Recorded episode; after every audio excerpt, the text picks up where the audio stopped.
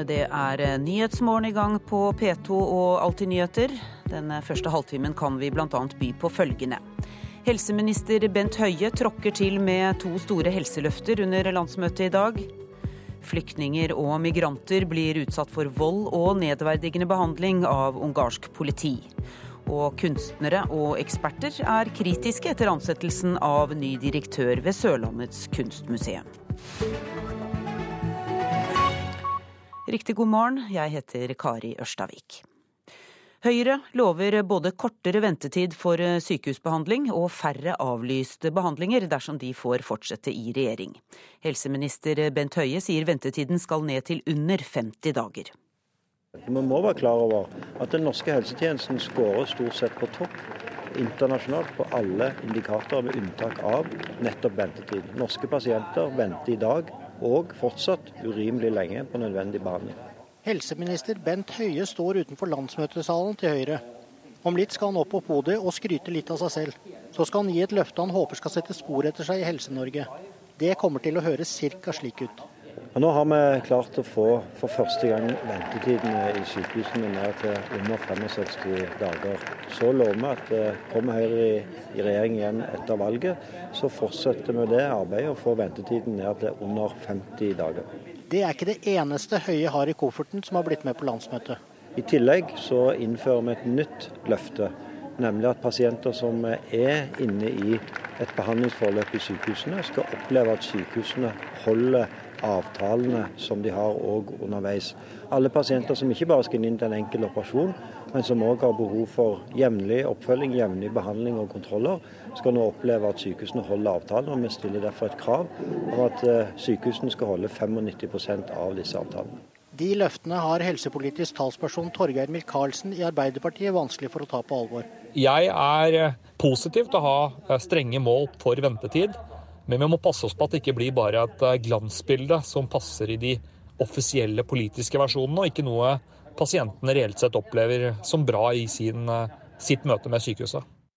Reportere her var eh, David Vojislav Krekling, Trude Bakke og Siv Sandvik. Og kortere ventetid er vel et tema Høyres landsmøte vil applaudere. Noe annet er det med det temaet du skal snakke om i Politisk kvarter i dag, programleder Lilla Sørhusvik?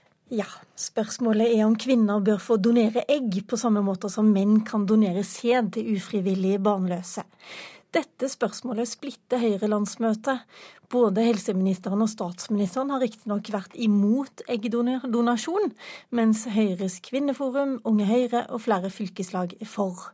Motstanderne av eggdonasjon prøver nå å få utsatt hele spørsmålet til prinsipprogrammet skal vedtas om to år.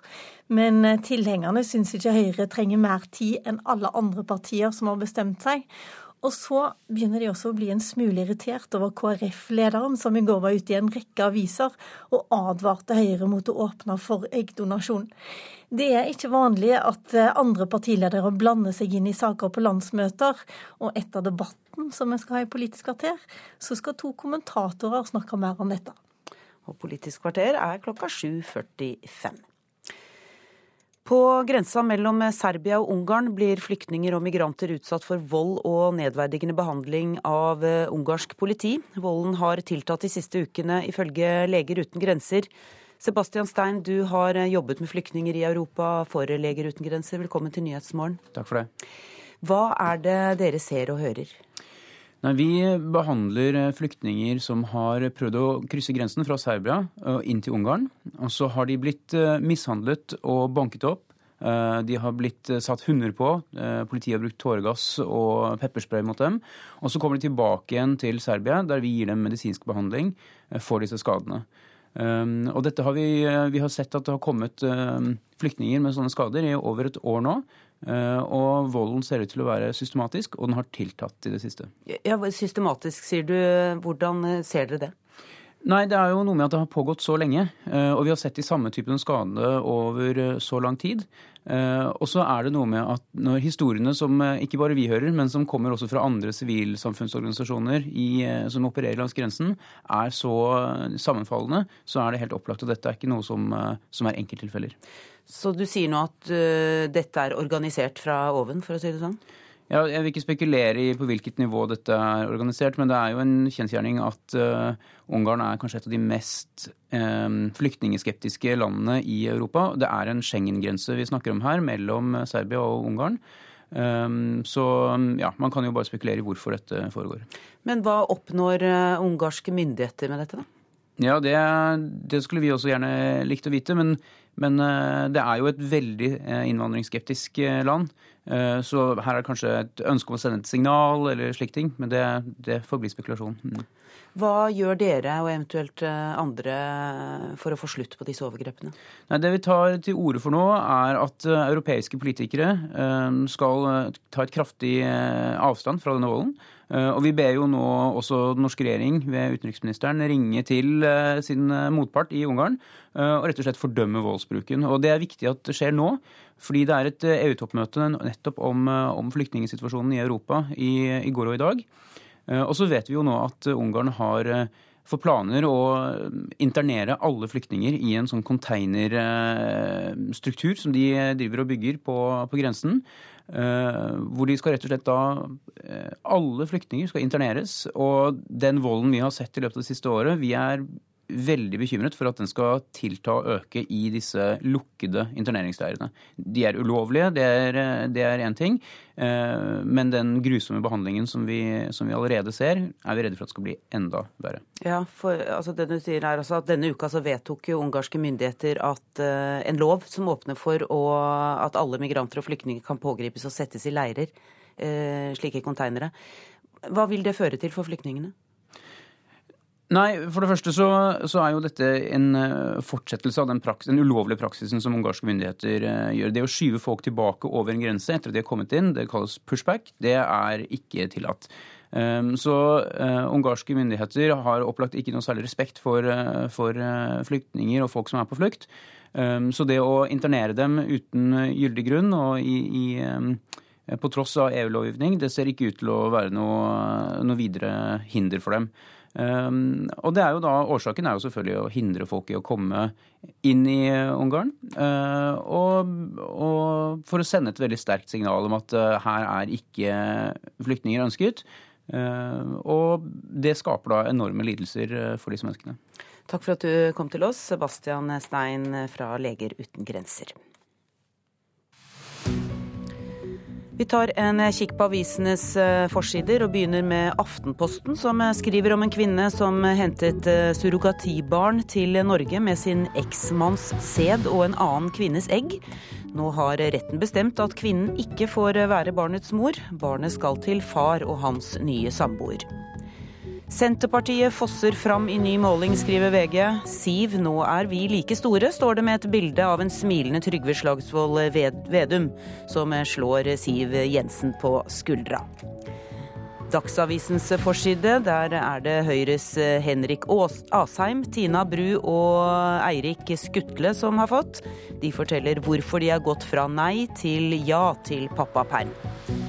Bonussmekk for Bjerke, står det på Dagens Næringslivsforside. Minibanker og Panama Papers skadet DNBs omdømme, mener bankens styre, som kutter Rune Bjerkes bonus på 322 000 kroner.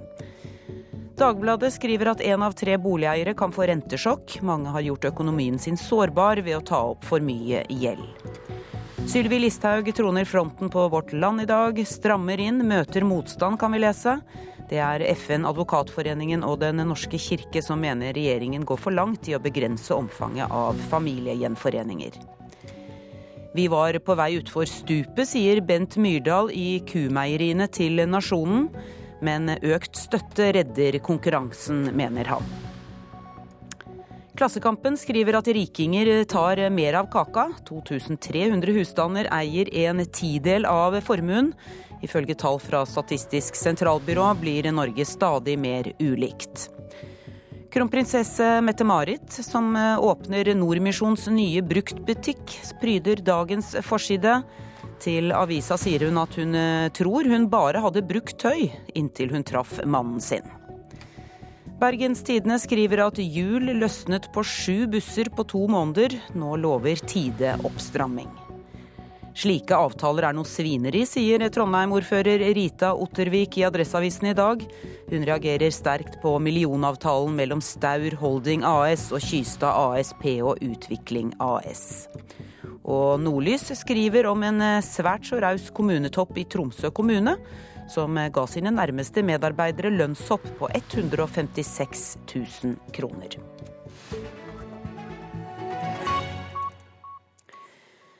Nå skal vi til Rogaland. Masse arbeid for Aibels verft i Haugesund gir store ringvirkninger for resten av næringslivet i byen og regionen. Aibel handler totalt for eh, rundt 1 milliard kroner i året i gode år, og har i tillegg masse innleid arbeidskraft. Administrerende direktør Egil Severeide i Haugesund-regionens næringsforening mener det gir grunn til å være optimistisk. Går det godt for Aibel, så går det godt for Haugesund. Og én arbeidsplass på Aibel gir tre i eh, lokalsamfunnet. Så dette er veldig veldig kjekt at de eh, holder posisjonen sin så godt. Hva betyr dette for næringslivet, da? Det betyr jo at eh, det blir underleveranser til, til, en god del av virksomhetene våre. Og da er det ikke små summer det er snakk om. Aibel har ifølge konserndirektør Bjørn Tollefsen gjort utregninger på hvor mye verftet handler lokalt i løpet av ett år. I gode år, når vi har veldig høy aktivitet, så handler vi for ca. 1 milliard i, eh, på Haugalandet. Når det er rolig, så handler vi for 400 millioner ca. Så det er spennende. Hvordan vil du beskrive den tida dere går inn i nå, da, i, i forhold til dette? Da ligger vi nok eh, opp imot eh, det høye volumet i den fasen vi går inn i nå. Hovedårsaken til de gode tidene er byggingen og sammenstillingen av flere moduler til Johan Sverdrup-plattformen. Kontrakten har en verdi på 8 milliarder kroner. Hovedjobben gjøres i Haugesund, og plattformen skal være klar neste sommer. Men det er ikke bare de tradisjonelle underleverandørene som nyter godt av dette. Også for overnattings- og serveringsbransjen i Haugesund er dette godt nytt. Det sier Reidar Vestre, som er administrerende direktør ved Scandic Maritim og Ton Saga hotell. Du kan si Når de har prosjekter som er i den størrelsesorden de holder på med nå, så er vi det, gjerne det beste hotellet i landet når det gjelder belegg, i hvert fall. Eh, og klart da blir det noe igjen på båndlinja. For å håndtere Sverdrup-plattformen må Aibel leie inn arbeidskraft, og har en egen brakkerigg for de innleide arbeiderne med ca. 600 senger. Den er nå nesten full, og kommer med få unntak til å være full fram til sommeren 2018. Ved siden av ligger også en lekter med plass til enda flere innleide arbeidere. I tillegg til arbeidet med Sverdrup-plattformen har Aibel vunnet en rekke andre større kontrakter. Vi har også fått tildelt nye jobber etter Sverdrup, så det ser eh, rimelig greit ut eh, faktisk ut i 2019. Men selv om det er full rulle ved verftet, er det plass til mer arbeid. Ja, vi har ca. 1000 mann inne i verftet nå, og vi kan ligge på et par tusen mann. Så vi har god kapasitet til å ta inn uh, mer jobb. Med både gjestearbeidere, underleverandører, utstyrsleverandører, kunder og oppdragsgivere på besøk, blir dette i sum en gevinst for alle som driver med handel og fornøyelser i Haugesund, sier hotelldirektør Vestre. Det påvirker hele byen. Altså det, alle restaurantene, hele, hele, utelivet. Alle mann alle får eh, De handler klær, og de går i butikkene. og, og, og de, de, legger igjen mye mer kroner enn bare direkte si, hotellbetalingen. Så her eh, får du store ringvirkninger, egentlig? Ja, de gjør det. Eh, i, i, alle ledd. Altså fra transport og taxi. Altså, det, det er Hver krone som Aibel eh, spytter ut av sin kasse, de går en eller annen plass her på Haugalandet. Og, og de er vi veldig veldig takknemlige for å få. Nei, Vi har et veldig godt uh, samspill i byen her, uh, og har veldig åpen dialog med alle aktørene. Fra restauranter til hoteller og de som leverer logistikk og utstyr til oss og sånt. Så det fungerer utrolig bra. Hvor viktig er det for dere? Nei, Det er helt essensielt for at vi skal levere. og Ofte har vi veldig korte frister på oss, og sånn, så vi er nødt til å ha underleverandører og samarbeidspartnere som stiller opp for oss. Egil Sævereide i Næringsforeningen mener psykologien i at Aibel gjør det bra, også er viktig. Det er en um, stimulans, uh, en uh, psykologisk viktig uh, faktor, som gjør at vi blir preget av optimisme. Så det er grunn til å se litt lysere på framtida, da? Ja, Aibel er veldig viktig for denne regionen. Eh, og eh, som jeg sier, den psykologiske effekten av å kunne se at eh, flaggskipet vårt troner godt av gårde, den skal du ikke undervurdere. Reporter var Gisle Jørgensen. Du hører på Nyhetsmorgen i NRK P2 og Alltid nyheter. Klokka er 6.48 snart. Dette er hovedsakene våre nå. Oppfølgingen av de overlevende etter angrepet på Utøya i 2011 varte ikke lenge nok, viser en rapport. Presidenten i Sør-Korea er fradømt presidentvervet. Og følg oss videre. I dag er det norgespremiere på den aller første sørsamiske spillefilmen noensinne. 'Sameblod' tar for seg overgrepene samene ble utsatt for på 1930-tallet.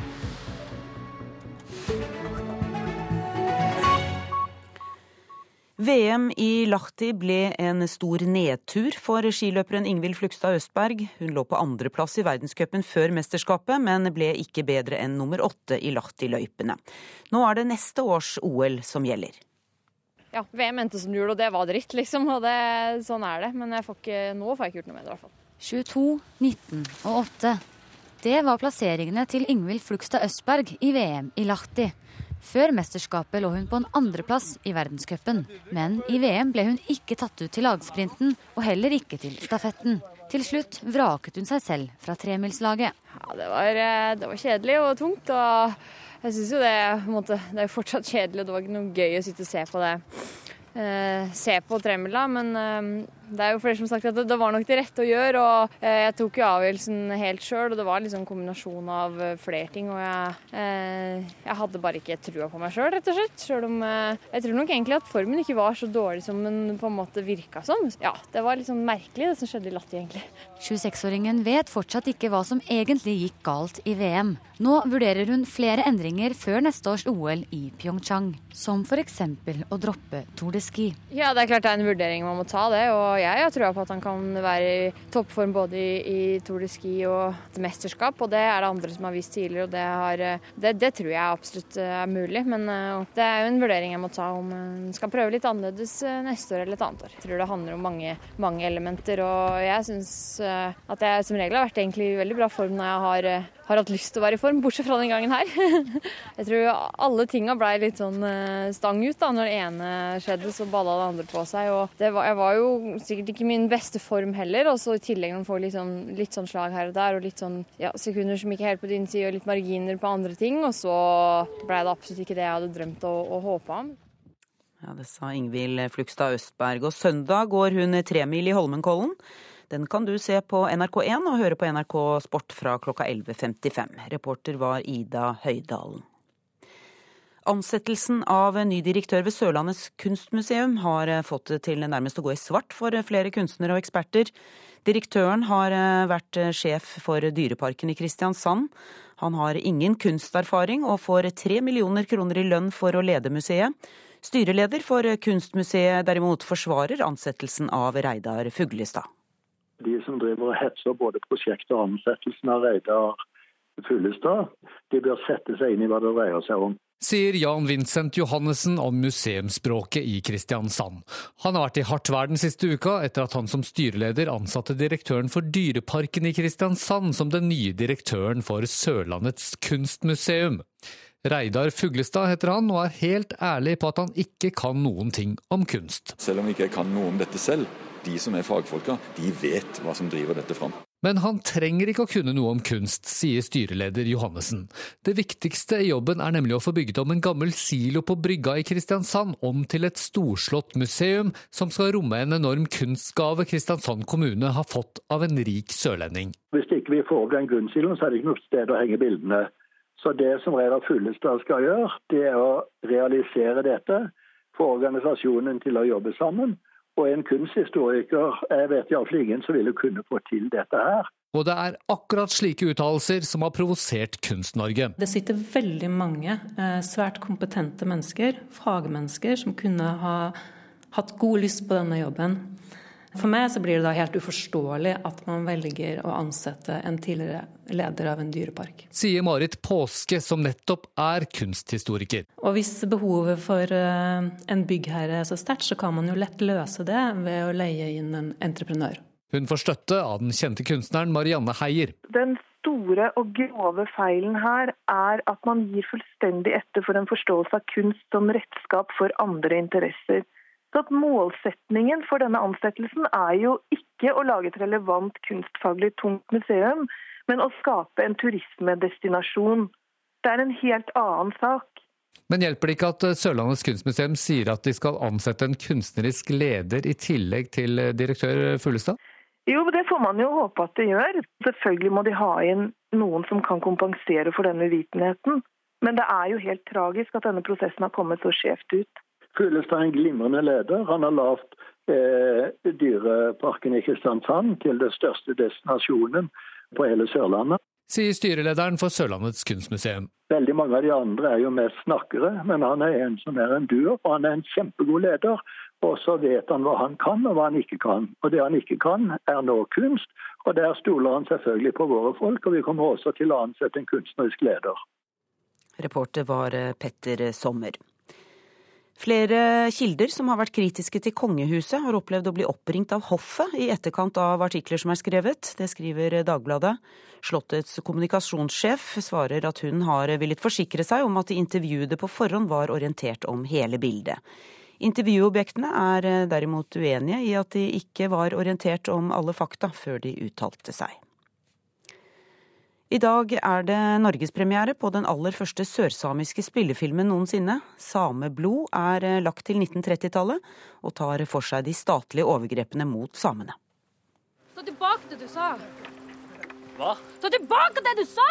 Om man tenker handlingen, så, så handler den om Elle-Maria som er 14 og går på nomadskolen sammen med sin lille søster på 1930-tallet. Og hun skal snart ta over renskötseln i sin familj. Men istället för att göra det så lämnar hon allt för att få ett annat liv i stan och bli svensk. Det forteller filmskaperen Amanda Kernell fra Umeå i Sverige. I langfilmdebuten 'Sameblod' tar hun for seg overgrepene som samene ble utsatt for på 1930-tallet.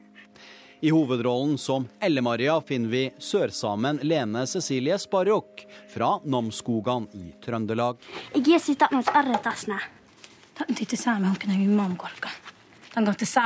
er det handler jo om å være ung, syns jeg. Eh, jeg tror alle tenåringsjentene kan kjenne seg igjen, eller tenåringer generelt. Eh, hva man gjør for å passe inn i et, i et, samfunn når man er helt ny. Men så handler det jo om skam og selvtillit og samisk historie. Vær så god, sitt. Eller meg, da tar vi av oss kalten. 18,0. Hva skal ni gjøre? Ei sørsamisk ungjente får kroppen oppmålt av en raseforsker.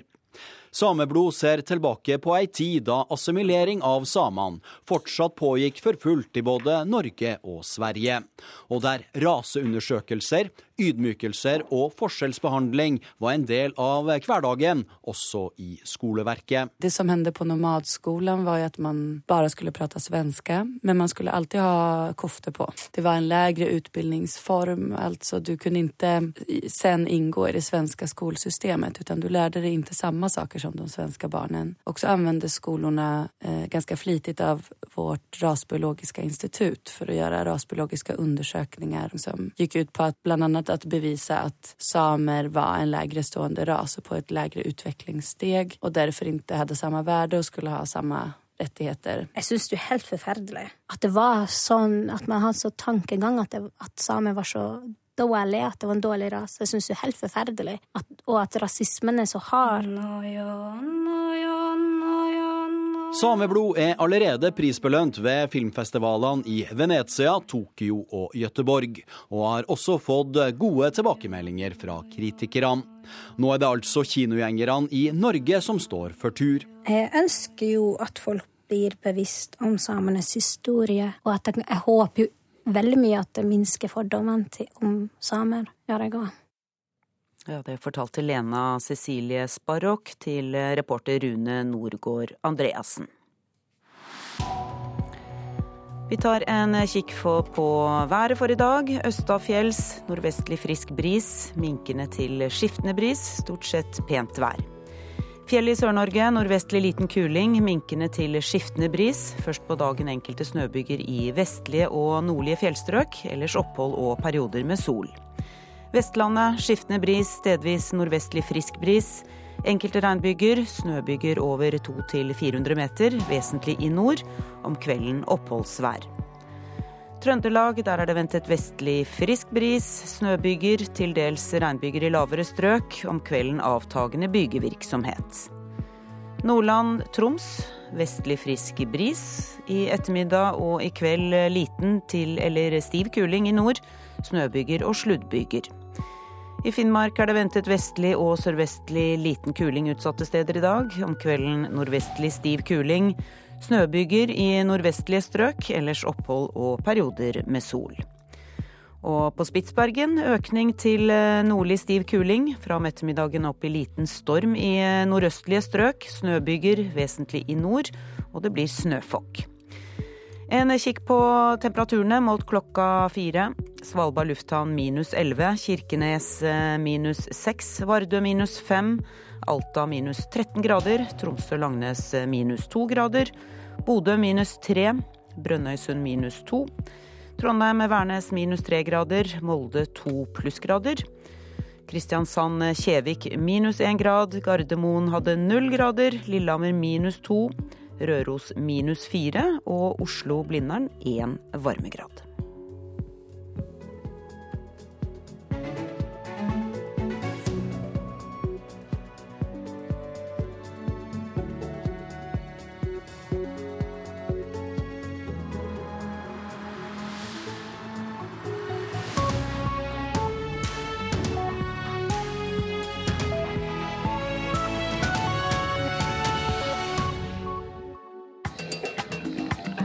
20 år har Jungeltelegrafen kjempet for musikken fra hele verden. Og mot begrepet verdensmusikk. Verdensmusikk er et samlebegrep for all musikk som er framført av to personer som i utgangspunktet ikke er i stand til å forstå hverandre, eller sitt eget publikum.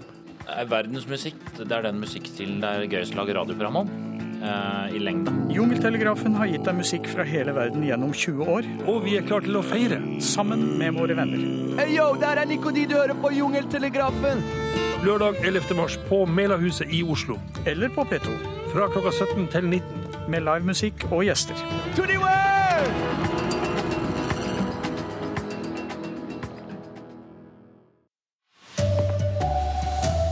Ingen selskap er kasta ut av oljefondet grunnet for store klimautslipp, ett år etter at det ble åpna opp for det. Politiets Fellesforbund frykter for beredskapen i distrikta under sykkel-VM i Bergen. Her er NRK Dagsnytt klokka sju. Etikkrådet for oljefondet somler med å renske fondet for klimaverstinger, mener organisasjonen Fremtiden i våre hender. Mer enn ett år etter at det ble åpna for å kaste selskap ut av oljefondet grunnet for store klimautslipp, har ingen selskap blitt kasta ut med den grunngjevinga. Rådgiver i Fremtiden i våre hender, Ingrid Stolpestad, er kritisk til tidsbruken. Det er vi veldig, veldig lite fornøyd med. Vi mener at eh, Etikkrådet har hatt mer enn nok tid på å eh, anbefale uttrekk. Atomvåpen, tobakk, menneskerettighetsbrudd og grov korrupsjon er eksempler på ting oljefondet ikke skal være investert i, ifølge fondets etiske retningslinjer. I fjor dukket også kriteriet uakseptable utslipp av klimagasser opp. Men hva som er uakseptabelt er ikke så enkelt å si, sier seniorrådgiver i Etikkrådet Erik Forberg. På f.eks. menneskerettigheter så finnes det normer og konvensjoner som styrer hva som er rett og hva som er galt. På, på klimaområdet så finnes ikke noe slikt, og det må utvikles før vi setter i gang arbeidet på de enkelte selskapene. Og Etikkrådet voner å trekke selskap ut av fondet før sommeren. Reporter Halvard Norum. Tidligere dommer i ankedomstolen KAS, Bård Rasin Meltvedt, tykker det er trist at Det internasjonale skiforbundet FIS har anka dopingdommen mot Therese Johaug. Johaug ble dømt til utestenging i 13 måneder. Meltvedt tror FIS vil prøve å hindre framtidig kritikk. Jeg syns det var trist. Eh, jeg syns at eh, domstolsutvalget i Norge hadde gjort en, en, eh, for så vidt god jobb. Det var en, en, streng straff, etter min oppfatning. Jeg har nok tenkt at, at FIS her er mer opptatt av å forebygge fremtidig kritikk av sin håndtering av denne saken.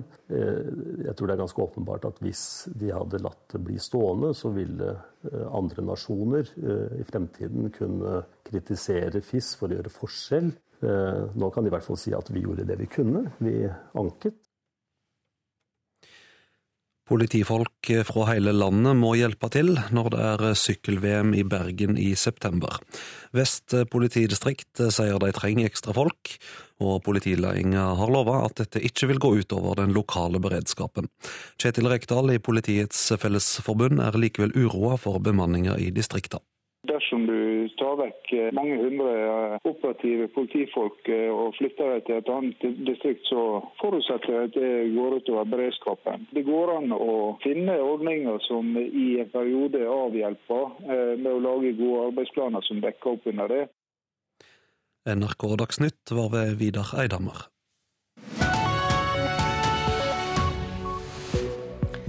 Nyhetsmorgen fortsetter på P2 og Alltid nyheter med disse sakene. En fersk rapport fra Norsk kunnskapssenter om vold og traumatisk stress viser at oppfølgingen av Utøya-ofrene ikke varte lenge nok. Etikkrådet for oljefondet somler med å renske ut klimaverstinger. Det mener organisasjonen Framtiden i våre hender. Og i natt ble det altså klart. Presidenten i Sør-Korea har fått sparken.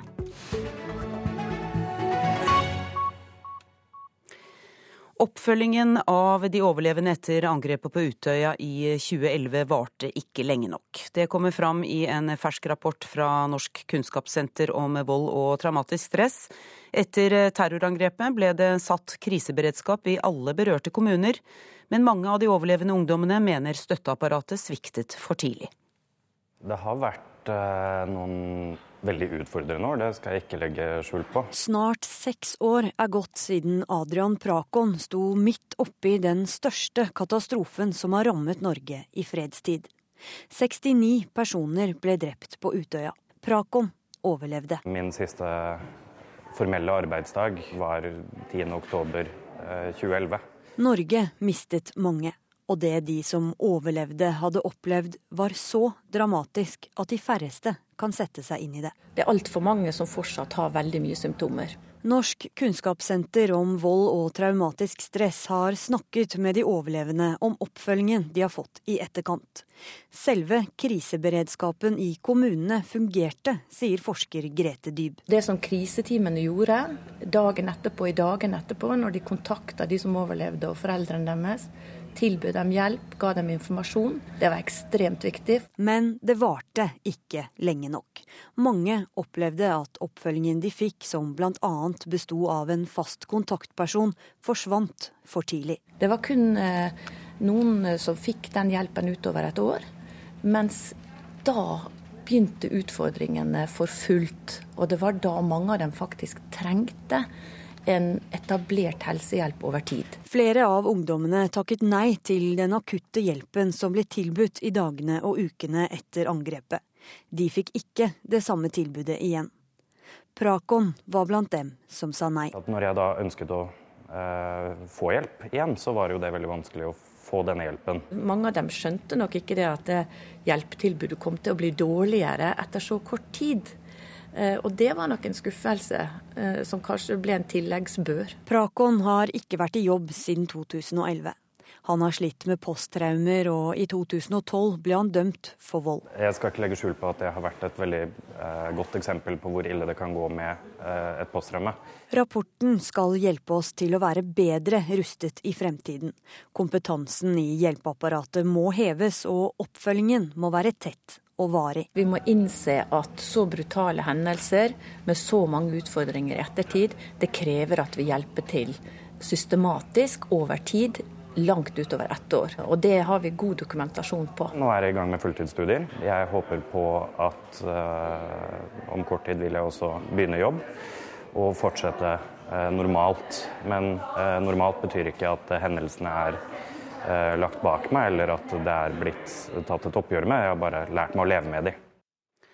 Og du kan høre mer om eh, denne rapporten i Ekko etter Dagsnytt klokka ni. Reportere var Geir Barstein og Anna Rydland Nærum.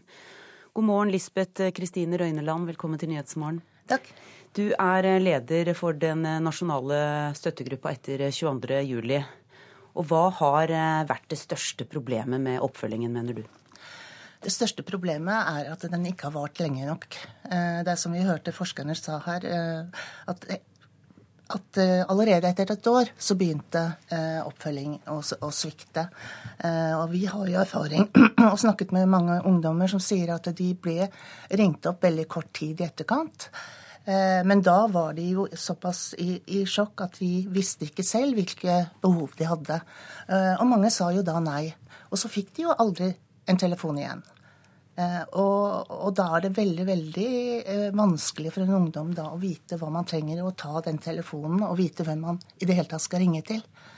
Eh, og det er det vi ser, at vi, det trengs oppfølging over tid for å hindre at ungdommer i verste fall blir ung ufør og, og fattig. Mm. I verste fall, da.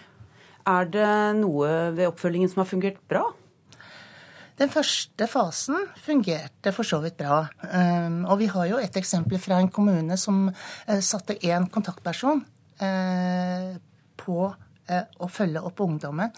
Vil si følge dem opp med å innkalle dem til likemannssamlinger, sørge for at de fikk den hjelpen de trengte osv. Og, så og det var tett oppfølging. Og de ungdommene har det gått forholdsvis bra med. Du mistet jo selv datteren din 22.07. Eh, Hvilke personlige erfaringer har du med oppfølging? Eh, jeg har en god erfaring personlig med oppfølging. Eh, jeg fikk en tett oppfølging både fra fastlege og fra psykolog det første året. Og du, og du takket ja til tilbudet med en gang? Ja, jeg gjorde det. Jeg gjorde det. Heldigvis. Mm. Mm. Du, det er også noen som forteller at de har fått mer oppfølging enn de egentlig trengte. Hva tror du årsaken kan være til det? Ja, Det er et, eh, et, godt spørsmål, egentlig. Det, det, kan vel være at kommunen eller psykologene er redde for eh, å ikke følge dem opp godt nok, tenker jeg. Men kjenner du til kommuner som har tilbudt for mye hjelp? Nei, det har ikke jeg hørt om eh, personlig. Nei. Men ifølge rapporten er det jo mange som eh, fortsatt eh, sliter. Bør det fortsatt være et eh, hjelpeapparat i gang for de overlevende etter 22.07? Ja, det mener jeg bestemt. Det bør være oppfølging minimum fem år, kanskje enda lenger. Nå er det snart seks år siden dette skjedde, og vi ser jo at det er ungdom som sliter veldig fortsatt. Så da bør det være mye lenger enn fem år, egentlig? Da? Ja, egentlig mye lenger. Kanskje oppimot opp ti. Vet du noe om eh, hvor mange som eh, ikke fungerer i samfunnet i dag, av de som eh, var ramma? Nei, Jeg har ikke noen eksakte tall. Men jeg vet jo at for mange, mange, går det veldig bra med. Men så er det også noen som det går, har gått veldig dårlig med. Noen forteller at behovet kan oppstå måneder og år etter hendelsen, og at det da, da er vanskelig å få tak i hjelp. Hva kan man gjøre for at disse nå kan få hjelp? At det vi som støttegruppe har gjort, er at vi har innkalt til, eh, til um, samlinger for ungdommen. Eh, likemannsstøttesamlinger med psykologer og fagpersoner til stede. Og Den første samlingen hadde vi i fjor. Og da opplevde vi at det var ungdom som kom der som snakket om 22.07. for første gang. Rett og slett. De ikke ville snakke om det hjemme, for de vil beskytte familien sin, f.eks. Mm. Mm. Takk for at du kom til Nyhetsmorgen og, og fortalte dette, Lisbeth Kristine Røyland. Du er eh, leder for den nasjonale støttegruppa etter 22.07. Etikkrådet for eh, oljefondet somler med å renske ut klimaverstinger, mener organisasjonen Framtiden i våre hender. Mer enn ett år etter at det ble åpnet for å kaste selskaper ut av oljefondet pga. uakseptable klimautslipp, har ingen selskaper blitt ekskludert. Rådgiver Ingrid Stolpestad i Framtiden i våre hender er kritisk til denne tidsbruken det haster på en måte hele tiden. Jo fortere man kan gå ut, jo bedre er det.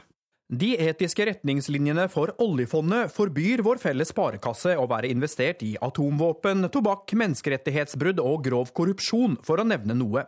I fjor kom også det såkalte klimakriteriet, som åpner for å ekskludere selskaper som bidrar til uakseptable utslipp av klimagasser.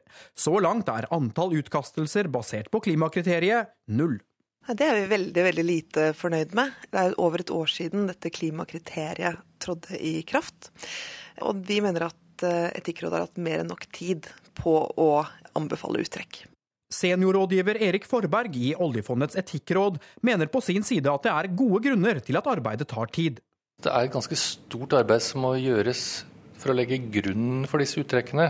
Eh, på f.eks. menneskerettigheter, så finnes det normer og konvensjoner som styrer hva som er rett og hva som er galt. På, på klimaområdet så finnes ikke noe slikt, og det må utvikles før vi setter i gang arbeidet på de enkelte selskapene.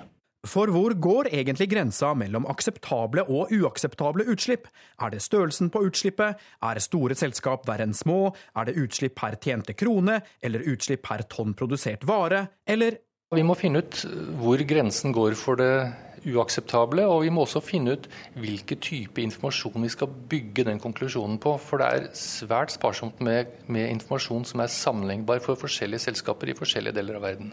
Greit nok at grensa for uakseptable utslipp er vanskelig å bestemme nøyaktig, mener Framtiden i våre hender, men noen selskap er åpenbart på feil side av grensa, mener de. I en fersk rapport har organisasjonen brukt tilgjengelige klimadatabaser og gitt en rekke selskaper klimakarakterbok etter forskjellige kriterier. Og etter en helhetsvurdering, som det så fint heter, mener de at i hvert fall ett selskap bør kastes ut av oljefondet. Exxon Mobil. Exxon er et av selskapene i verden som slipper ut aller, aller mest CO2. I tillegg så slipper Exxon ut svært mye CO2 per krone eh, de tjener. Exxon har store olje- og gassreserver i bakken, vil medføre store klimagassutslipp hvis det utvinnes. Og Exxon har lobbet aktivt mot reguleringer eh, for klima. Etikkrådet ønsker som vanlig ikke å kommentere enkeltselskaper, men på spørsmål om det ikke finnes åpenbare klimaverstinger, svarer Forberg slik. Isolert sett så er nok det riktig, men hovedarbeidet vårt er jo selve vurderingen av hvilke kriterier vi legger til grunn. Og vi ønsker ikke å risikere at vi legger fram tilrådninger på det du kaller verstinger, eh, hvor vi ikke kan bruke de samme kriteriene på andre selskaper senere. I en e-post til NRK skriver Exxon Mobil at risikoen for klimaendringer er alvorlig og krever handling, men at å trekke seg ut av et selskap som produserer fossilt drivstoff, er en avsporing fra det å skulle adressere risikoen for klimaendringer, samtidig som man skal møte behovet for energi. Selskapet trekker fram at det i løpet av de siste 15 årene har investert 7 milliarder dollar for å utvikle energiløsninger som gir lavere utslipp. Eh, Etikkrådet sier at det jobber for å gjøre det første klimabaserte uttrekket fra oljefondet før sommeren. Reporter her var Halvard Norum. Du hører på Nyhetsmorgen. Klokka er øyeblikkelig 7.15. Dette er noen av våre hovedsaker eh, i dag. Ingen selskaper er kastet ut av eh, oljefondet pga. store klimautslipp, som vi hørte. Det er ett år siden at det ble åpnet for det. Politiets Fellesforbund frykter for beredskapen i distriktene etter sykkel-VM i Bergen. Og følg oss videre og hør at utenlandske sjåfører som blir tatt for grove lovbrudd i trafikken, har blitt kastet ut av Norge.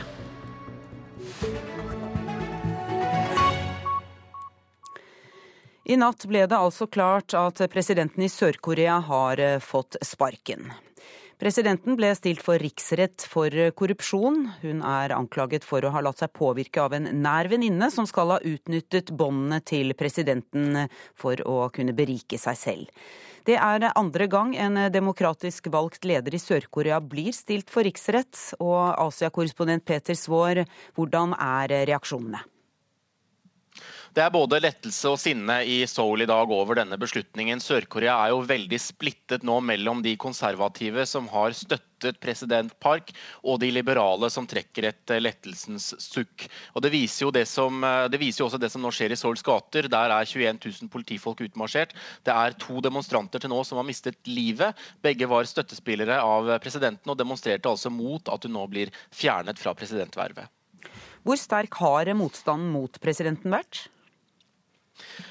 Demonstrasjonene gjennom vinteren i Seoul er beskrevet som de største siden demokratibevegelsen for 30 år siden på slutten av 80-tallet. Så dette har jo vært en folkebevegelse der millioner av mennesker i januar og februar i år var ute hver eneste lørdag i uker i strekk i bitende minusgrader og protesterte. Og etter hvert som stadig nye detaljer i denne pikante korrupsjonsskandalen ble avslørt, og det har jo også nå felt toppledelsen i Sør-Koreas største selskap Samsung.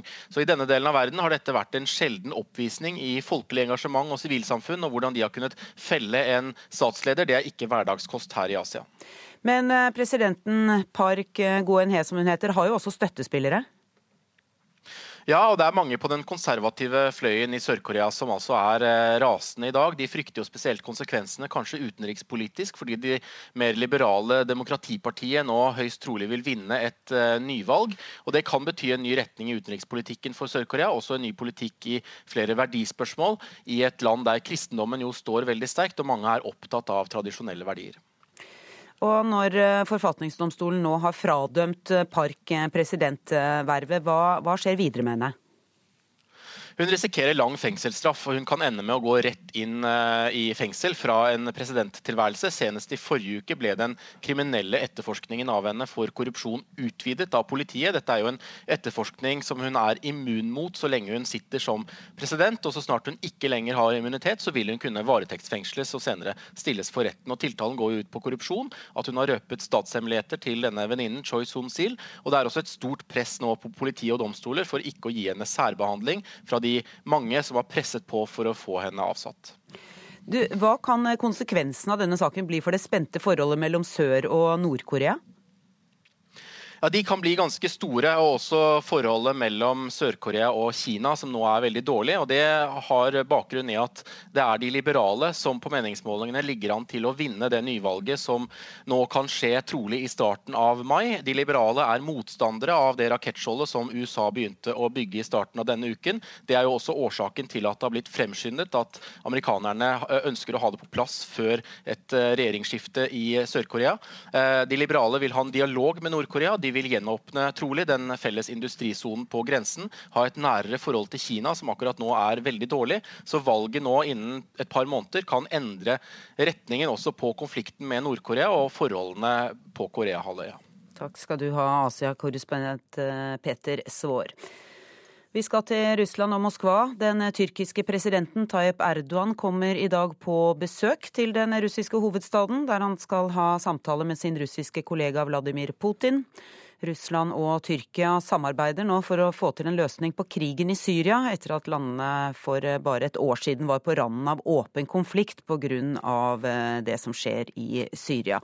Og kollega Morten Jentoft i Moskva, det er vel eh, igjen Syria som står på agendaen når Putin og Erdogan møtes i Kreml i formiddag? Det er det vel ingen som helst eh, tvil om. Det blir nok den eh, viktigste saken. Eh, hvordan fortsette da det kompliserte samarbeidet som de to landene har innledet, og jo som var, førte til at president Bashar al-Assad Assads eh, styrker eh, før jul kunne ta kontroll over Syrias nest største by, eller største by, eh, Aleppo. Hva blir veien videre nå i kampen mot IS? Det er jo et komplisert bilde innad i Syria, dette her. Sånn at det blir utvilsomt den, den viktigste saken. Russland er helt avhengig av et samarbeid med Tyrkia hvis de skal gjennomføre den ambisiøse planen de har da om å få til en fred i eh, Syria, eh, der også det er plass til eh, Bashar al-Assad, og i alle fall det styret som han har stått for. Tidligere i uka var det et møte mellom militære sjefer for Tyrkia, Russland og USA. Vet du noe om hva som kom ut av det møtet?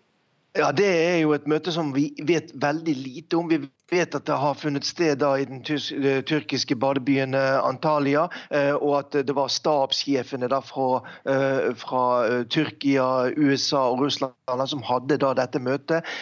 Det som har sivet ut fra møtet, at først og fremst så var tanken her da å koordinere arbeidet, det militære arbeidet i Syria for å hindre at det blir episoder der man kommer i direkte konflikt med hverandre. Vi vet jo at disse tre landene opererer militært inne i, i i Syria akkurat nå, og ofte på eh, eh, parter som står mot hverandre sin side. Eh, så dette var et møte for å forsøke å koordinere den militære virksomheten innad i Syria. Alle er jo enige om at man skal forsøke å knekke den islamske staten, den ekstreme ekstremistgruppen. Men motsetningene ellers er jo store, bl.a. når det gjelder kurdernes plass da i, den, i, i det framtidige Syria. Mm. Det er kanskje andre ting som skal diskuteres i Moskva i dag òg. Vi kan jo nevne at det økonomiske samarbeidet mellom Russland og Tyrkia ble nærmest frosset etter krisa rundt nedskytingen av det russiske jagerflyet i november 2015.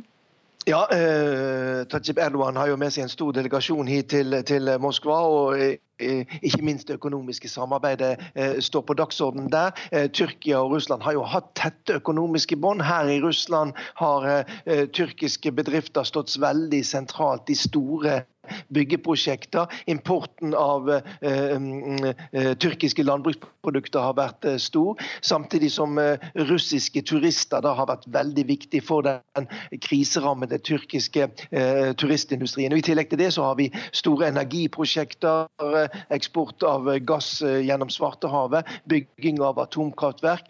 Dette, alle disse prosjektene hadde, var jo nærmest på is etter nedskytingen av dette russiske jagerflyet i november 2015. Nå er mange av disse prosjektene i gang igjen. Takk skal du ha, Morten Jentoft. Vi tar en eh, kikk på avisen i dag og begynner med Aftenposten, som skriver om en kvinne som hentet et surrogatibarn til Norge med sin eksmanns sæd og en annen kvinnes egg. Nå har retten bestemt at kvinnen ikke får være barnets mor. Barnet skal til far og hans nye samboer. Senterpartiet fosser fram i ny måling, skriver VG. Siv, nå er vi like store, står det med et bilde av en smilende Trygve Slagsvold Vedum, Vedum som slår Siv Jensen på skuldra. Dagsavisens forside, der er det Høyres Henrik Asheim, Tina Bru og Eirik Skutle som har fått. De forteller hvorfor de har gått fra nei til ja til pappaperm. Bonussmekk for Bjerke, står det på Dagens Næringslivs forside. Minibanker og Panama Papers skadet DNBs omdømme, mener bankens styre, som kutter Rune Bjerkes bonus på 322 000 kroner. Dagbladet skriver at en av tre boligeiere kan få rentesjokk. Mange har gjort økonomien sin sårbar ved å ta opp for mye gjeld. Sylvi Listhaug troner fronten på Vårt Land i dag. Strammer inn, møter motstand, kan vi lese. Det er FN, Advokatforeningen og Den norske kirke som mener regjeringen går for langt i å begrense omfanget av familiegjenforeninger. Vi var på vei utfor stupet, sier Bent Myrdal i Kumeieriene til Nasjonen. Men økt støtte redder konkurransen, mener han. Klassekampen skriver at rikinger tar mer av kaka. 2300 husstander eier en tidel av formuen. Ifølge tall fra Statistisk sentralbyrå blir Norge stadig mer ulikt. Og kronprinsesse Mette-Marit, som åpner Nordmisjons nye bruktbutikk, pryder dagens eh, forside. Til avisa sier hun at hun tror hun bare hadde brukt tøy før hun traff mannen sin.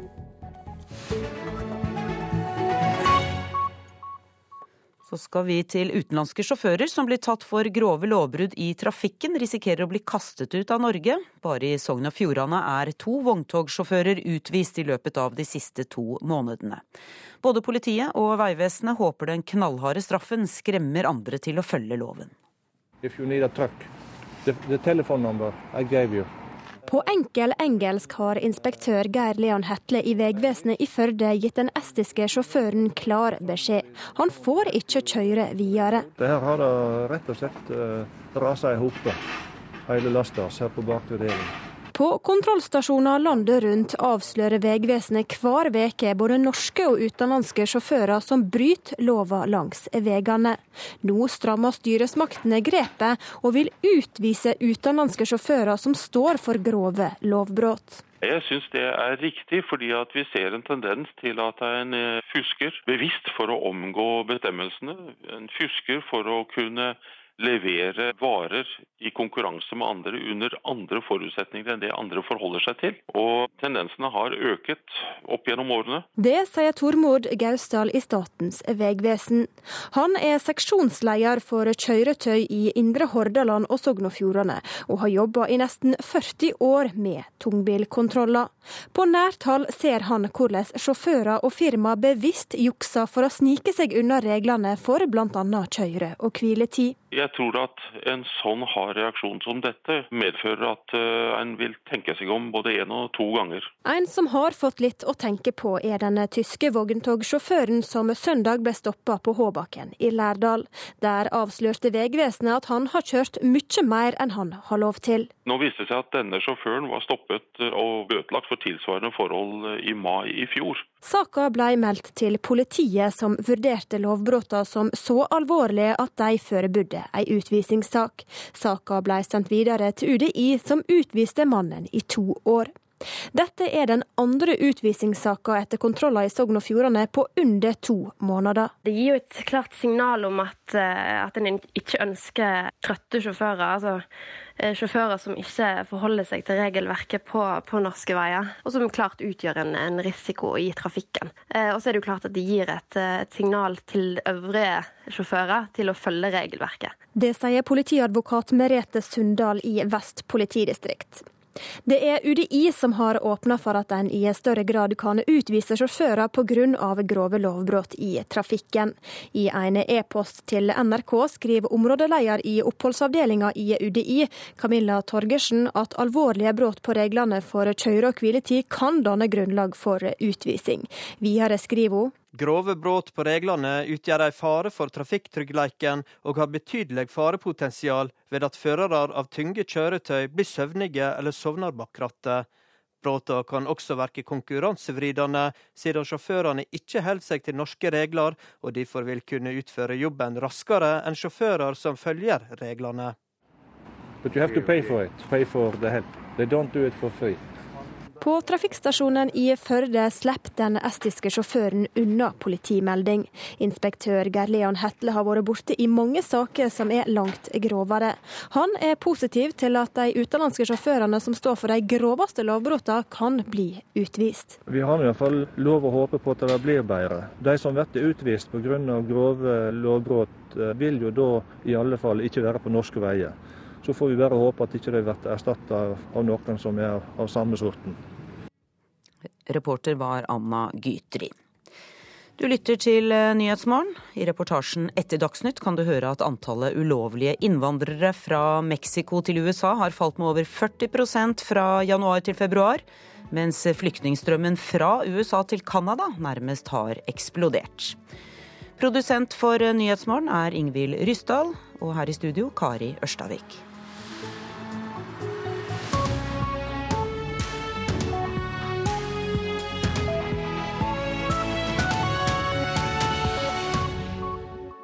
Se, så fint det blir her i Studio 2. Neste uke starter Studio 2 på NRK P2. Altså så stor plass vi får. Et strykeorkester kan det bli plass til. Nei, men et par musikere, det bør vi få til. Og en filmstjerne, noen statsråder, en bonde, en arkeolog. Men Otto, kan vi snakke om Melodi Grand Prix? Selvsagt kan vi det. Vi skal snakke om det som skjer. Men eh, tror du det blir ferdig til mandag klokken 16? Det blir det. To timer. To programledere. Studio 2. På NRK P2.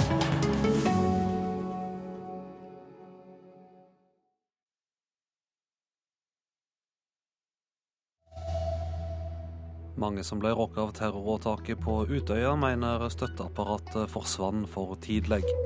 Den sørkoreanske presidenten er avsett av en domstol i landet. Og Høyre lover kortere helsekøer. Helseministeren sier folk skal slippe å vente mer enn 50 dager. Her er NRK Dagsnytt klokka 7.30. Oppfølginga av de som overlevde åtaket på Utøya i 2011 varte ikke lenge nok. Det kommer fram i en rapport fra Norsk eh, Nasjonalt kunnskapssenter om vold og traumatisk stress. Etter terroråtaket ble det satt i verk kriseberedskap i mange kommuner, men flere av ungdommene opplevde at støtteapparatet forsvant for tidlig.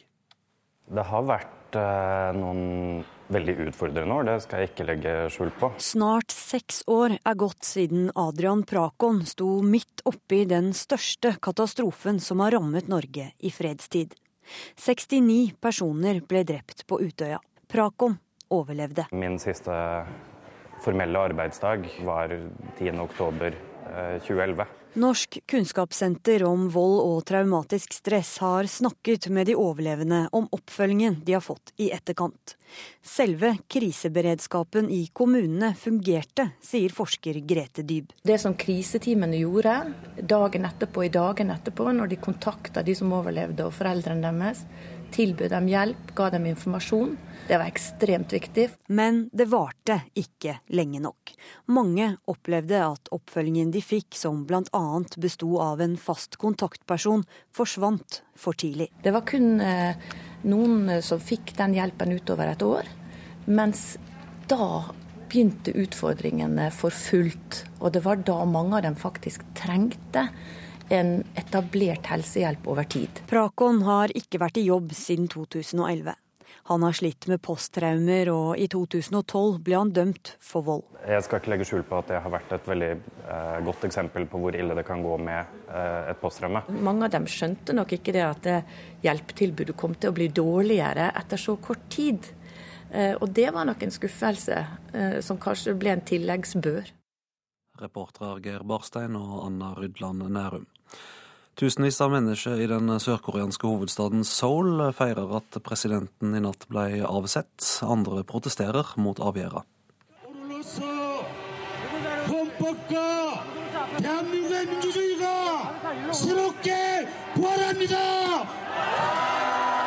Demokratiet er gjenfødt, roper folk her. Ifølge nyhetsbyrået Ap har to personer mista livet i demonstrasjonene.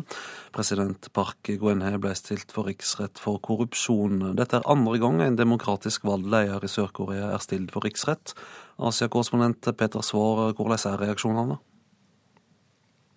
Ja, Det er jo veldig splittet, som du også sa, i eh, Seoul i dag, med store demonstrasjoner som både støtter president eh, Park og hennes eh, konservative fløy, og eh, motdemonstranter som da er veldig lettet over at hun nå er fradømt presidentvervet. Eh, det har jo vært eh, gjennom vinteren nå de største demonstrasjonene mot Park, som beskrives som de største siden demokratibevegelsen i Sør-Korea på 1980-tallet, med millioner av mennesker ute i gatene hver eneste helg. Så det er jo eh, et stort, en, et stort nummer av eh, hennes eh, kritikere som nå er veldig lettet over det som har skjedd. Ja, hva skjer videre med henne nå?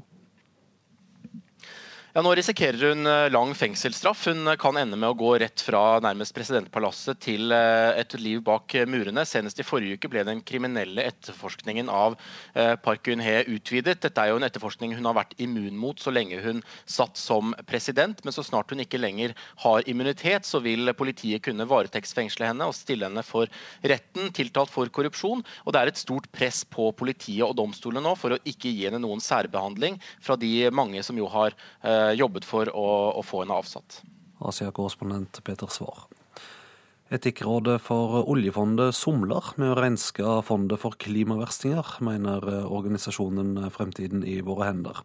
Rådgiver der, Ingrid Stolpestad, skjønner ikke helt hvorfor. Det er vi veldig veldig lite fornøyd med. Det er over et år siden dette klimakriteriet trådte i kraft. Og vi mener at eh, Etikkrådet har hatt mer enn nok tid på å eh, anbefale uttrekk. Atomvåpen, tobakk, menneskerettighetsbrudd og grov korrupsjon er eksempler på ting oljefondet ikke skal være investert i, ifølge fondets etiske retningslinjer. I fjor dukket også kriteriet uakseptable utslipp av klimagasser opp. Men hva som er uakseptabelt er ikke så enkelt å si, sier seniorrådgiver i Etikkrådet Erik Forberg. På f.eks. menneskerettigheter så finnes det normer og konvensjoner som styrer hva som er rett og hva som er galt. På, på klimaområdet så finnes ikke noe slikt, og det må utvikles før vi setter i gang arbeidet på de enkelte selskapene. Spørsmålene er mange. Store selskap slipper ofte ut mer enn små selskap gjør, men er det galt i seg selv å være stor? Skal man heller se på utslipp per tjente krone, eller per tonn produsert vare, eller på dem som har høyere utslipp enn andre i samme bransje? Det er helt klart en del dilemmaer. Derfor anbefaler vi at vi ser flere kriterier i sammenheng, og at man jo også gjør selvstendige analyser av hvert enkelt selskap. Sier Stolpestad i Framtiden i våre hender. Hun mener noen klimaverstinger burde være greie å identifisere. Forberg i Etikkrådet er for så vidt ikke uenig i det, men Vi ønsker ikke å risikere at vi legger fram tilrådninger hvor vi ikke kan bruke de samme kriteriene på andre selskaper senere. Dilemmaer til tross, Etikkrådet har som mål å gjøre det første klimauttrekket fra oljefondet før sommeren. Det sa reporter Halvard Norum. Høyre lover både kortere ventetid for sykehusbehandling og færre avlyste behandlinger dersom partiet får holde fram i regjering. Helseminister Bent Høie sier ventetida skal ned til under 50 dager.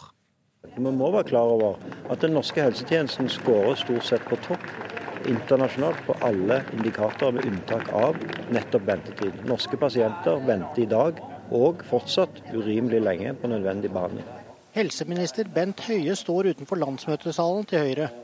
Om litt skal han opp på podiet og skryte litt av seg selv. Så skal han gi et løfte han håper skal sette spor etter seg i Helse-Norge. Det kommer til å høres ca. slik ut. Og nå har vi klart å få for første gang ventetidene i sykehusene ned til under 65 dager. Så lover vi at eh, kommer Høyre i, i regjering igjen etter valget, så fortsetter vi det arbeidet og får ventetiden ned til under 50 dager. Det er ikke det eneste Høie har i kofferten som har blitt med på landsmøtet. I tillegg så innfører vi et nytt løfte, nemlig at pasienter som er inne i et behandlingsforløp i sykehusene, skal oppleve at sykehusene holder avtalene som de har òg underveis. De løftene har helsepolitisk talsperson Torgeir Micaelsen i Arbeiderpartiet vanskelig for å ta på alvor. Jeg er eh, positiv til å ha eh, strenge mål for ventetid, men vi må passe oss på at det ikke blir bare et eh, glansbilde som passer i de offisielle politiske versjonene, og ikke noe pasientene reelt sett opplever som bra i sin, sitt møte med sykehuset. Reportere David Voislav Krekling, Trude Bakke og Siv Sandvik. Flere av kjeldene i kritiske artikler om kongehuset har blitt oppringt av hoffet i etterkant, det skriver Dagbladet. Kommunikasjonssjefen på Slottet sier hun ville forsikre seg om at kjeldene hadde informasjon om hele bildet. Intervjuobjekter mener de var godt nok orienterte før de uttalte seg. Tidligere dommer i ankedomstolen KAS, Bård Rasine Meltvedt, tykker det er trist at Det internasjonale skiforbundet FIS har anka dopingdommen mot Therese Johaug. Johaug ble dømt til utestenging i 13 måneder, men FIS har anka til KAS. Meltvedt tror FIS anker dommen for å hindre framtidig kritikk. Når FIS først anker denne dommen, så er det fordi at de eh, tror at de kan få en strengere straff ut av det. Og da må man selvfølgelig være forberedt på det. I åtte år frem til 2010 var Bård Rasin Meltvedt dommer ved idrettens voldgiftsrett KAS. Dermed er han en av de nordmennene som kan mest om hva som venter Therese Johaug når ankesaken skal opp i Lausanne, der idrettens høyesterett holder til. Meltvedt ble skuffet da han fikk høre at FIS valgte å anke Johaugs dom på 13 måneder utestengelse. Jeg syns det var trist. Eh, jeg syns at domsutvalget i Norge hadde gjort en, en, for så vidt god jobb. Det var en, en streng straff, etter min oppfatning. Både skiløper Petter Northug og idrettsjurist Gunnar Martin Kjenner har denne uken uttalt til NRK at det kan ligge politiske føringer bak anken. Det utelukker heller ikke Meltvedt. Jeg har nok tenkt at, at FIS her er mer opptatt av å forebygge fremtidig kritikk av sin håndtering av denne saken. Eh, jeg tror det er ganske åpenbart at hvis de hadde latt det bli stående, så ville eh, andre nasjoner eh, i fremtiden kunne kritisere FIS for å gjøre forskjell. Nå kan de i hvert fall si at vi gjorde det vi kunne. Vi anket. Reporter var Ida Høydalen. Ansvarlig for sendinga var Arild Svalbjørg. Her i studio Vidar Eidhammer.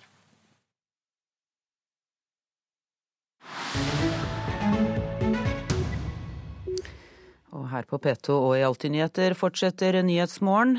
Antallet ulovlige innvandrere som har eh, tatt seg over grensa fra Mexico til USA, har falt med over 40% fra januar til februar. Men langs eh, USAs nordlige grenser opplever de nå en helt annen virkelighet.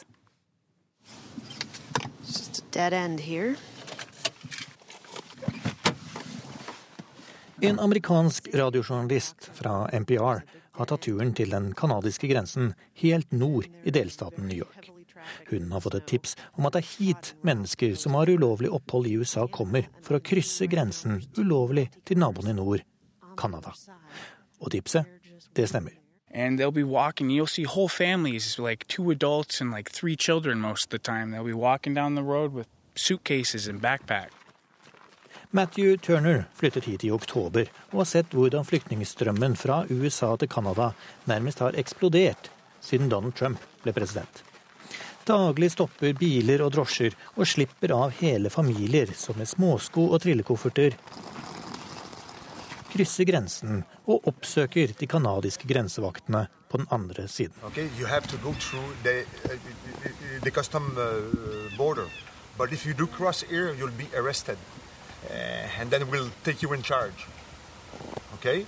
Denne gangen er det en kvinne med et lite barn som blir stoppet. Hun nikker og tar et skritt mot grensepolitiet, som tar imot barnet og fører henne inn i en ventende politibil på den andre siden. For et av Donald Trumps tydeligste valgløfter var å slå hardt ned på ulovlig innvandring. Det handlet om muren mot Mexico, og denne uken underskrev han en ny versjon av sitt innreiseforbud, som bl.a. hindrer mennesker fra seks i all hovedsak muslimske land i å komme til USA.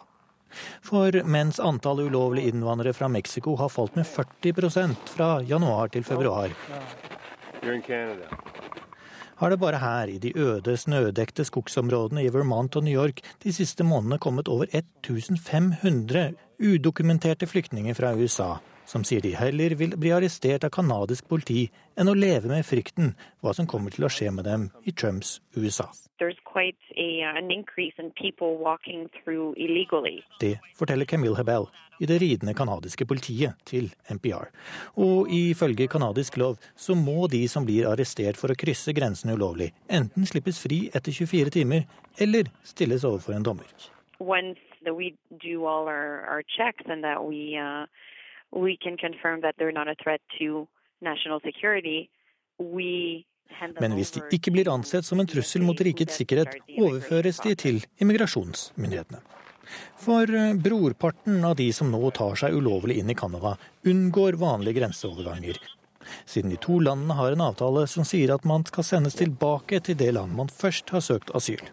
Men eh, hvis de blir arrestert på canadisk jord, må canadierne behandle saken. Og det fører til mange situasjoner der folk som ikke er vant til temperaturer ned mot 20 minus, tar en stor risiko.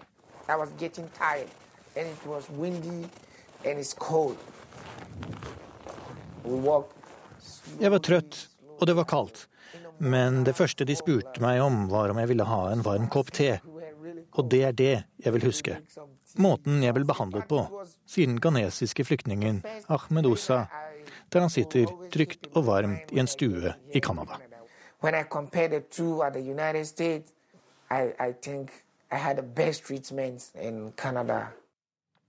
Reporter var Christian Aanensen.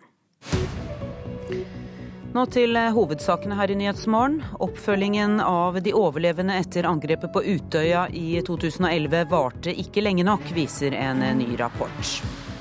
Den sørkoreanske presidenten er avsatt av en domstol i landet pga. korrupsjon.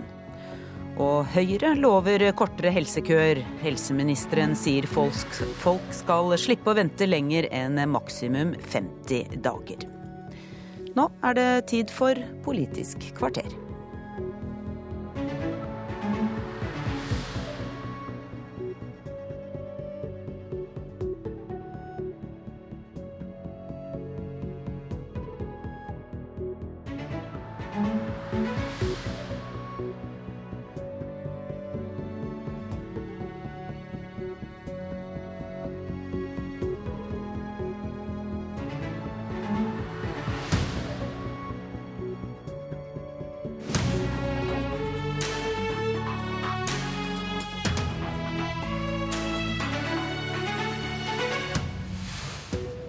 Eggdonasjon splitter Høyre. I dag kan hele saken bli utsatt i to år. De påstår det ikke har noe med KrF-lederens sterke advarsler i forkant av landsmøtet å gjøre.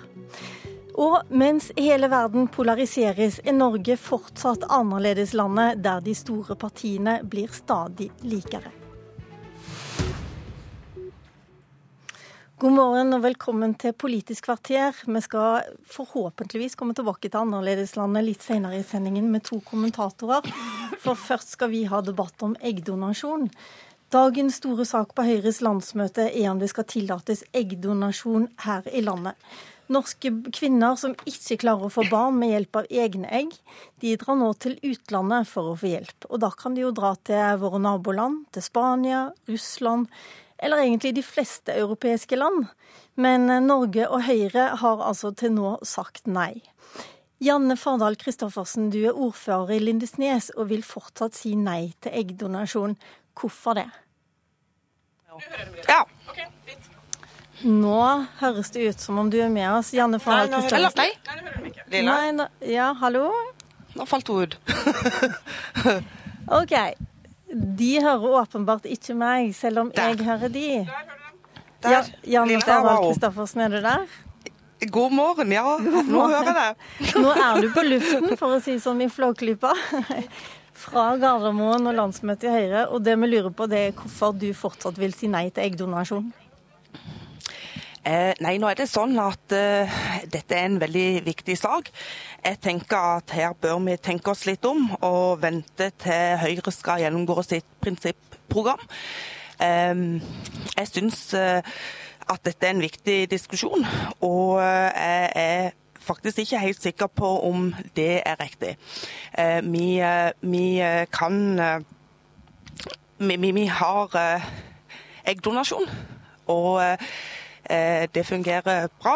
Men når det gjelder når det gjelder sæddonasjon, så sæddonasjon fungerer bra? Det er det vi har nå? Ja, mm. det har vi. Ja, hvorfor, og, og, da er jo spørsmålet hvorfor det er forskjell på sæddonasjon og eggdonasjon? Rent sånn ja, jeg tenker at her må, vi tenke, her må vi tenke på barnets beste. Uh, og uh, jeg er ikke sikker på om, om dette er best. Heidi Nordby Lunde, du sitter i redaksjonskomiteen du er på Høyres landsmøte der på Gardermoen sammen med Janne Fardal Christoffersen, som er ordfører i Lindesnes, altså. Og du vil tillate eggdonasjon. Hvorfor skal verdikonservative Høyre gå i mer liberal retning på det området? Vel, Helt siden 1930 så har barnløse par i Norge hatt muligheten til å få assistert befruktning, men det er mannen som har lov til å bidra til å hjelpe.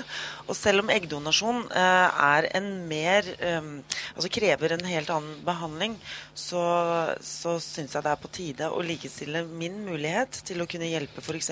min søster med å få barn, som eh, menn også kan, eh, kan gjøre det, man kan godt si at det har med verdier å gjøre, men min største verdi i den saken er jo muligheten til å kunne hjelpe barnløse par å få oppfylt sin største drøm, nemlig å få barn.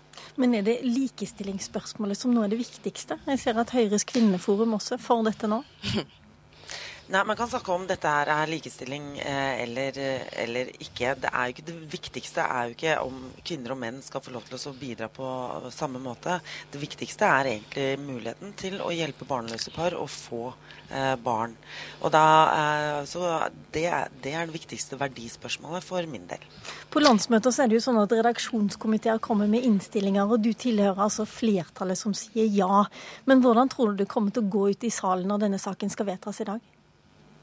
Jeg har inntrykk av at det faktisk ja, jeg har inntrykk av at det faktisk er et reelt flertall i salen. Men som i så mange eh, verdispørsmål i Høyre, så har vi både eh, et reelt flertall og et reelt eh, mindretall som mener at dette er viktige saker for, for dem. I noen saker så vinner det mer, litt mer verdikonservative. I andre saker så er det det litt mer verdiliberale som eh, vinner. Men dette her er først og fremst en sak for de barnløse, mener jeg. Ikke for det verdikonservative konservative eller det verdiliberale Høyre. Janne Fardal Kristoffersen, hvor mye har dere å si at eh, KrF-lederen har gått ut så knallhardt og i forkant og advart? Nei, Er det noe som jeg iallfall ikke bryr meg om, så er det det. Høyre skal få lov til å stå for sin politikk. Og uh, her tenker jeg at det er mye som er mulig med en ny teknologi, mye som er medisinsk mulig, men det er ikke nødvendigvis sikkert at det er det riktige allikevel. Vi lever i en verden der det er utrolig mye som er mulig, men for min del så handler dette om at vi må se hva er faktisk barnets beste, ikke nødvendigvis hva de voksne syns er best. Bent Høie har jo gått ut og sagt, ja, Bent Heie har gått ut og sagt at det, hele saken bør egentlig utsettes fordi man vet ikke nok. Men er det det at man ikke vet nok, eller er det poenget at de som ikke vil eh, åpne for det, de prøver nå på en utsettelse? Men Det har jo alltid faktisk vært sånn at far er ukjent. Eh, alle vet at mor det er det, det, det mennesket som har båret fram barna. Eh, I 10 av tilfellene i Norge så er faktisk ikke far den en tror han er. Eh, jeg tenker at Hvis vi rokker snakker med dette, at mor òg kan være ukjent, ja, så, så endrer vi iallfall på noe veldig veldig vesentlig. Men det som er klart nå, det er at du er ikke usikker du, Kristoffersen, men likevel så vil du gå inn for en utsettelse? Jeg er alltid der at jeg vil tenke meg om. Dette er et stort tema. Dette er noe helt nytt. Jeg tenker at vi gjør faktisk lurt i å vente. Og når det gjelder KrF, jeg har mine klare meninger, og jeg lar virkelig ikke de påvirke vår politikk. Lunde, hva sier du om det, KrFs lederens sterke advarsler her? Tror du det vil påvirke landsmøtesalen? Ja, Det er vel egentlig tre ting, ting her. For det første så, så, vedtas dette under forutsetning at barnet kan få vite sitt, uh, sitt uh, genetiske opphav ved fylte 18 år. det andre er at om vi vet nok Vi har hatt muligheter, og vi har diskutert dette her i nesten fire år. Dersom ledelsen hadde ønsket en bredere debatt, så hadde de deltatt i de, de debattene som har vært internt i Høyre. Og det siste er at dersom Knut Arild Hareide har lyst til å påvirke Høyres politikk, så står jeg veldig klar med verveblokka for å verve han som medlem i Høyre, så kan han delta, stå på stands, delta i valgkampen og delta på landsmøtet som alle oss andre som ønsker å påvirke uh, Høyres politikk. Men han snakker om at vi ikke skal røre ved KrFs sine hjertesaker. Jeg har lyst til å sende den hilsenen tilbake og mm. si det samme. Da bør ikke KrF uh, eh, røre mine. Men sånn er det jo ikke. Jeg har stor respekt for at vi er to forskjellige partier, hvor de har sine saker, jeg og Høyre har våre saker. Her, men her er det en reell uenighet internt i Høyre. Og det respekterer jeg kanskje noe mer enn hva KrF måtte mene. Er du noe i tvil om Det høres ikke ut som om du er i tvil heller, så du hører heller ikke på Bent Høies eh, anmodning om å utsette saken? Jo, men det jeg lurer på er Hva er det man tror at man får vite i 2018 som vi ikke vet i dag? Og dette har jo vært en høyst reell debatt internt i Høyre i snart fire år. Og, og også med da ny teknologi og muligheter for å hjelpe barnløse par på veldig mange andre måter også. Eh, så jeg ser ikke helt hva som er begrunnelsen for å utsette når vi har den informasjonen vi trenger. Eh, og de som lurer på noe i landsmøtesalen i dag, internett finnes også på Høyres landsmøte landsmøte. Det er god tid til å lese seg opp. Og vi har hatt denne debatten internt i snart tre år. Ok, vi eh, skal i hvert fall ha debatten i Høyre og på landsmøtet i en dag til, minst. Eh, fordi den saken skal altså opp i ettermiddag. Og takk til Nordby Lunde og Janne Farndal Christoffersen. Jeg har med to kommentatorer som også følger landsmøtet. Hva tror du blir utfallet om eggdonasjon i dag, Trine Eilertsen, eh, politisk redaktør i Bergens Tidende? Nei, unnskyld, i Aftenposten. det, det, vet jo ikke høyrefolkene sjøl engang. De tør ikke å spå, så da skal ikke jeg våge å spå. Men det, det vi lurer mest på, er jo om eh, Erna Solberg kommer til å engasjere seg i denne debatten og flagge hvor hun står. For vi vet jo at når eh, partilederen går opp i den type debatter, så kan hun jo vippe et flertall. Berit Aalbang, du er også med oss. Eh, du er også i, på Gardermoen. Hva tenker du om at Knut Arild Hareide blander seg såpass mye inn i denne saken, som vi hørte en slags irritasjon over tidligere i sendinga her? Ja, altså vi, Det er ikke så vanlig at partiledere blander seg inn i andres uh, programbehandlinger. Og jeg har nok, uh, Det er nok en viss irritasjon her, ikke bare blant de som ønsker, uh, ønsker eggdonasjon, men, men, også en del av de andre. så Unge Høyre, Nestlederen Unge Høyre sa i går at vi må først få bestemme oss før vi forhandler. Og så er dette en veldig viktig sak både for Høyre, men også for KrF. Så han prøver nok å benytte anledningen, særlig fordi dette vil bli viktig med samarbeidsspørsmål spørsmålet etter eh, valget. Eilertsen. Jo, altså jeg har også merket meg at det er en irritasjon eh, i Høyre over at han eh, har gått så tydelig ut og prøver å påvirke diskusjonen i Høyre. Og det er jo litt sånn brudd på, på si, partilederkutyme at du går inn akkurat når landsmøtet til et annet parti starter og, og begynner å mene om eh, saker som de er reelt uenige om. Eh, og dette er jo en sak som KrF uh, fint kan forhandle med Høyre om hvis de skal forhandle om et nytt regjeringssamarbeid. Høyre pleier å gi seg på den type saker når KrF er, ønsker det. Så han kan jo fint vente til de kommer så langt hvis Høyre skulle velge å, å gå inn for eggdonasjon. Nå har jeg ikke Hareide her som kan forsvare seg, må jeg si. Men en annen ting som han har sagt og ønsker, ytre et ønske om, og det er i hvert fall lov det at eh, statsministeren skal si noe om at det nå finnes to borgerlige alternativer. Eh, både Høyre og Frp som har i dag, og Høyre, Venstre, KrF. Kommer det til å skje, tror du, Eilertsen? Altså Hun snakker om dette i runde former og påstår i hvert fall selv at hun har ment det samme hele tiden. Hun vil lede en eller annen konstellasjon fundert på de fire partiene. Eh, og Det må vi jo tolke som at hvis vi kommer i en situasjon der eh, Frp ikke ønsker å fortsette i regjering, hva nå grunnen skulle være til det, å være støtteparti, som de har sagt at de ikke skal, så kan hun også gjøre det. Og Det er jo det KrF og Venstre ønsker seg. Men realismen i det er jo sånn eh, ganske fjern, sånn som det har sett ut nå i tre og et halvt år, og egentlig vel så det. Så, så Altså Det hun nå kommer til å uh, sørge for å gjøre, å ikke stenge dørene for noen alternativer, men å ikke tvinges inn i å måtte ta et valg. Og det er jo ingen som egentlig forventer at hun skal ta det valget før valgdagen heller. Du skriver i Vårt Land i dag, eh, Berit Aalborg, at uh, det var spesielt at landsmøtetallene ikke inneholdt noen ting om dette. Ja, altså det er vel ikke forventa at Høyre behandler dette. For det er klart at Høyre er det største partiet, så de har interesse av å kunne vente helt til etter valget. Men dette er nok viktigere både for Fremskrittspartiet på den ene sida og Venstre og KrF på den andre siden. Fordi at hvis man ikke tydeliggjør at det er to alternativer, så er det mye mer krevende for dem å så å si ha noe å gå til valg på. Men, men eh, jeg tror ikke det kommer til å komme noen flere signaler herfra. Det er helt åpenbart at det ikke gjør. For Høyre kommer jo uansett, hvis det blir en borgerlig regjering, til å sitte i lederstolen talerstolen og ha statsministeren og være det partiet som bestemmer. og det er klart For dem er det en veldig gunstig situasjon. La oss høre et lite kutt fra landsmøtetalen til Erna Solberg i går, og det hun faktisk snakker om. Og Derfor vil vi i Høyre bruke denne viktige muligheten til å skape et varmt og inkluderende samfunn. Med arbeid til alle og et grønnere næringsliv. Aftenposten har skrevet mye om at forskjellene mellom Høyre og Arbeiderpartiet ser ut til å minke, og at det skal bli vanskelig for velgerne å se forskjell. Nå snakker altså landsmøtet, altså nå snakka altså Erna Solberg om arbeid for alle og et varmere samfunn.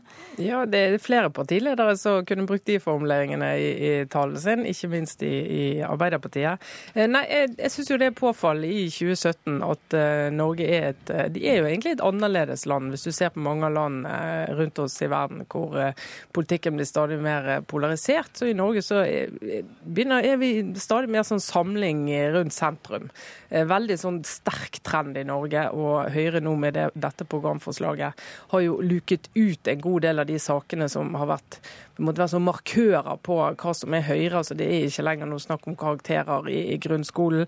Eh, søndagsåpne butikker har forsvunnet. Fedrekvoten kan bli, kan bli gjeninnført hvis de stemmer for det. Eh, og de snakker som Arbeiderpartiet om tidlig innsats i skolen.